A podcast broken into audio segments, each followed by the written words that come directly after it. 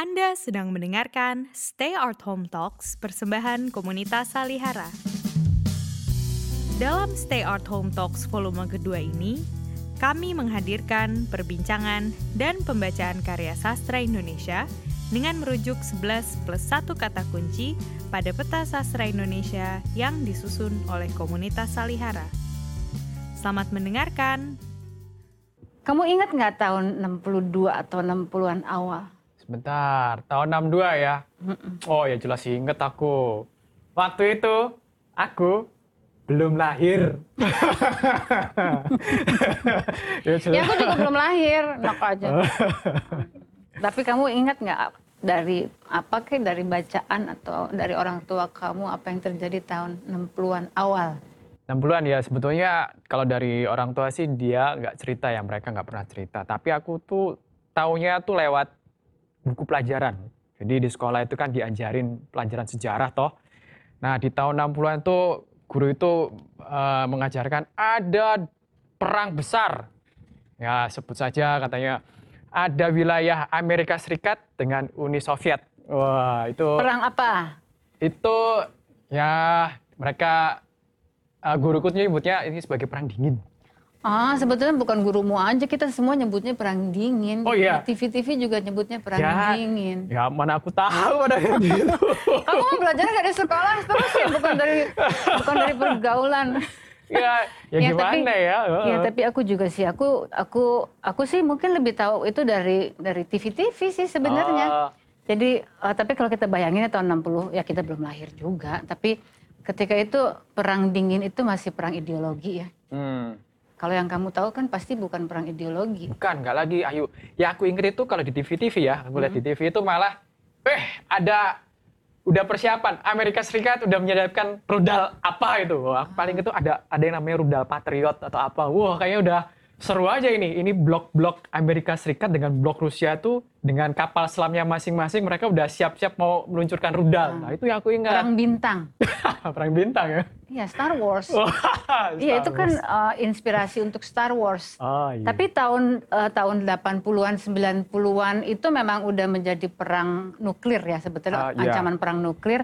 Sementara kalau tahun 60-an itu perangnya masih perang ideologi antara blok Hmm. timur dan blok barat. Blok timur yang Oke. kita tahu sosialis komunis dan blok barat Ya, yang ya. demokrasi dan liberal ya. Hmm. Dan uh, zaman itu perang itu masuk juga ke Indonesia dan kalau aku dengar dari cerita-cerita dan bacaannya cerita-cerita GM juga uh, ketegangan itu masuk juga ke dalam konflik atau polemik di antara para seniman. Oh, oke. Uh, tapi GM hidup juga di dalam situasi itu dan dia ketika itu ideologi uh, komunisme sangat kuat di Indonesia. Partai Komunis hampir menang kan tahun 60-an awal Hmm.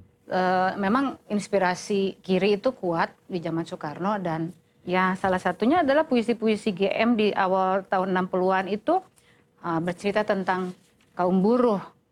Ada surat-surat tentang lapar, terus yang tadi adalah lagu pekerja malam. Hmm. Tapi Ayu, aku kan sempat ya baca-baca juga ya.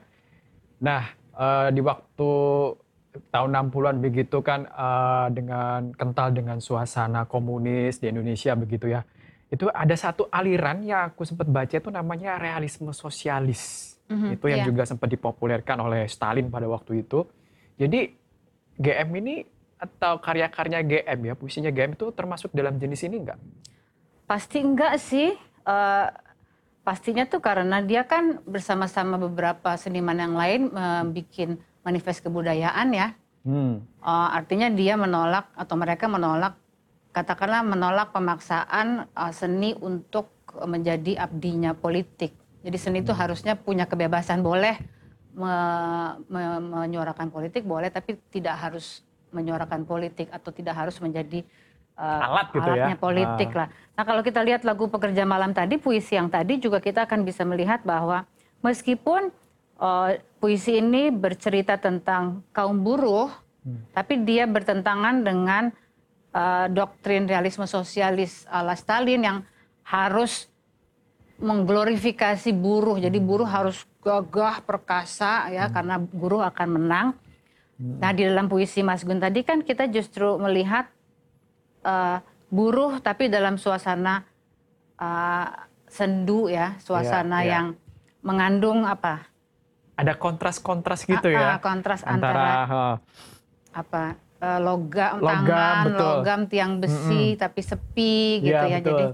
jadi ada tegangan yang eh, yang ditampilkan eh, dalam puisi Gunawan Muhammad. Dan tegangan itu biasanya sama dengan ketidakpastian kan. ah, oke. Jadi ini tidak eh, merupakan gaya Realisme realisme, sosialis. sosialis. Meskipun dia punya punya solidari- solidaritas kepada Hmm. kaum buruh. Hmm, asik juga ya. Ya, kalau Mas Gun itu yang sat, yang i- saya ingat, yang aku ingat, yang aku ingat tentang Mas Gun tuh dia tuh sebetulnya sosialis kiri dalam berorganisasi, ya, organisasi yang dia bikin cenderung egaliter, termasuk organisasi bisnisnya. Bisnisnya ya. Mm. Oh, ah. Tapi dia itu mungkin liberal dalam berpolitik dan anarki dalam berpikir. Wah, kombinasi yang mantap. Sosialis, liberalis, dan anarkis. Ternyata bisa. Eh, aku ketemu Mas Gun tuh umur waktu dia umur 49 tahun dan ada satu Oh. puisi eh, Gunawan Muhammad judulnya Nota untuk 49 tahun. Oh, Kayaknya dia mungkin agak deg-degan juga men- menjadi meninggalkan ya. Umur 40 yang terakhir Iya, kan baru masuk 40 Iya. sekarang. Kalau dia 40 yang terakhir jadi Oh. mungkin agak gampang juga dan dia menulis puisi nota untuk 49 tahun. Hmm. Dan aku membuat lagu atas puisi itu waktu GM umur 79 tahun. tujuh yang terakhir masuk Iya. kepala delapan. Ah, tahun ini dia 80. Oke. Ini judulnya eh, Nota untuk 49 tahun.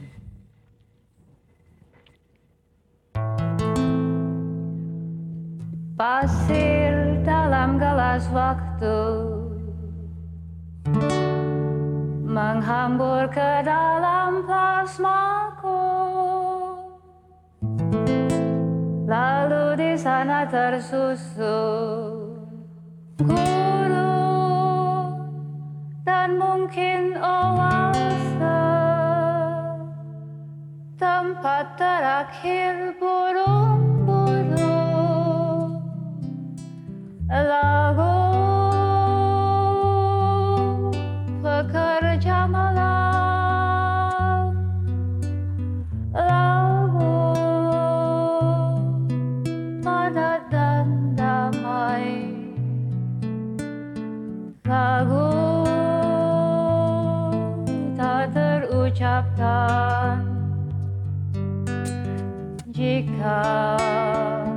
duka pun usai. Tangan yang hitam tangan lelaki. Lengan berlogam berkercik api. Dan batu pun retak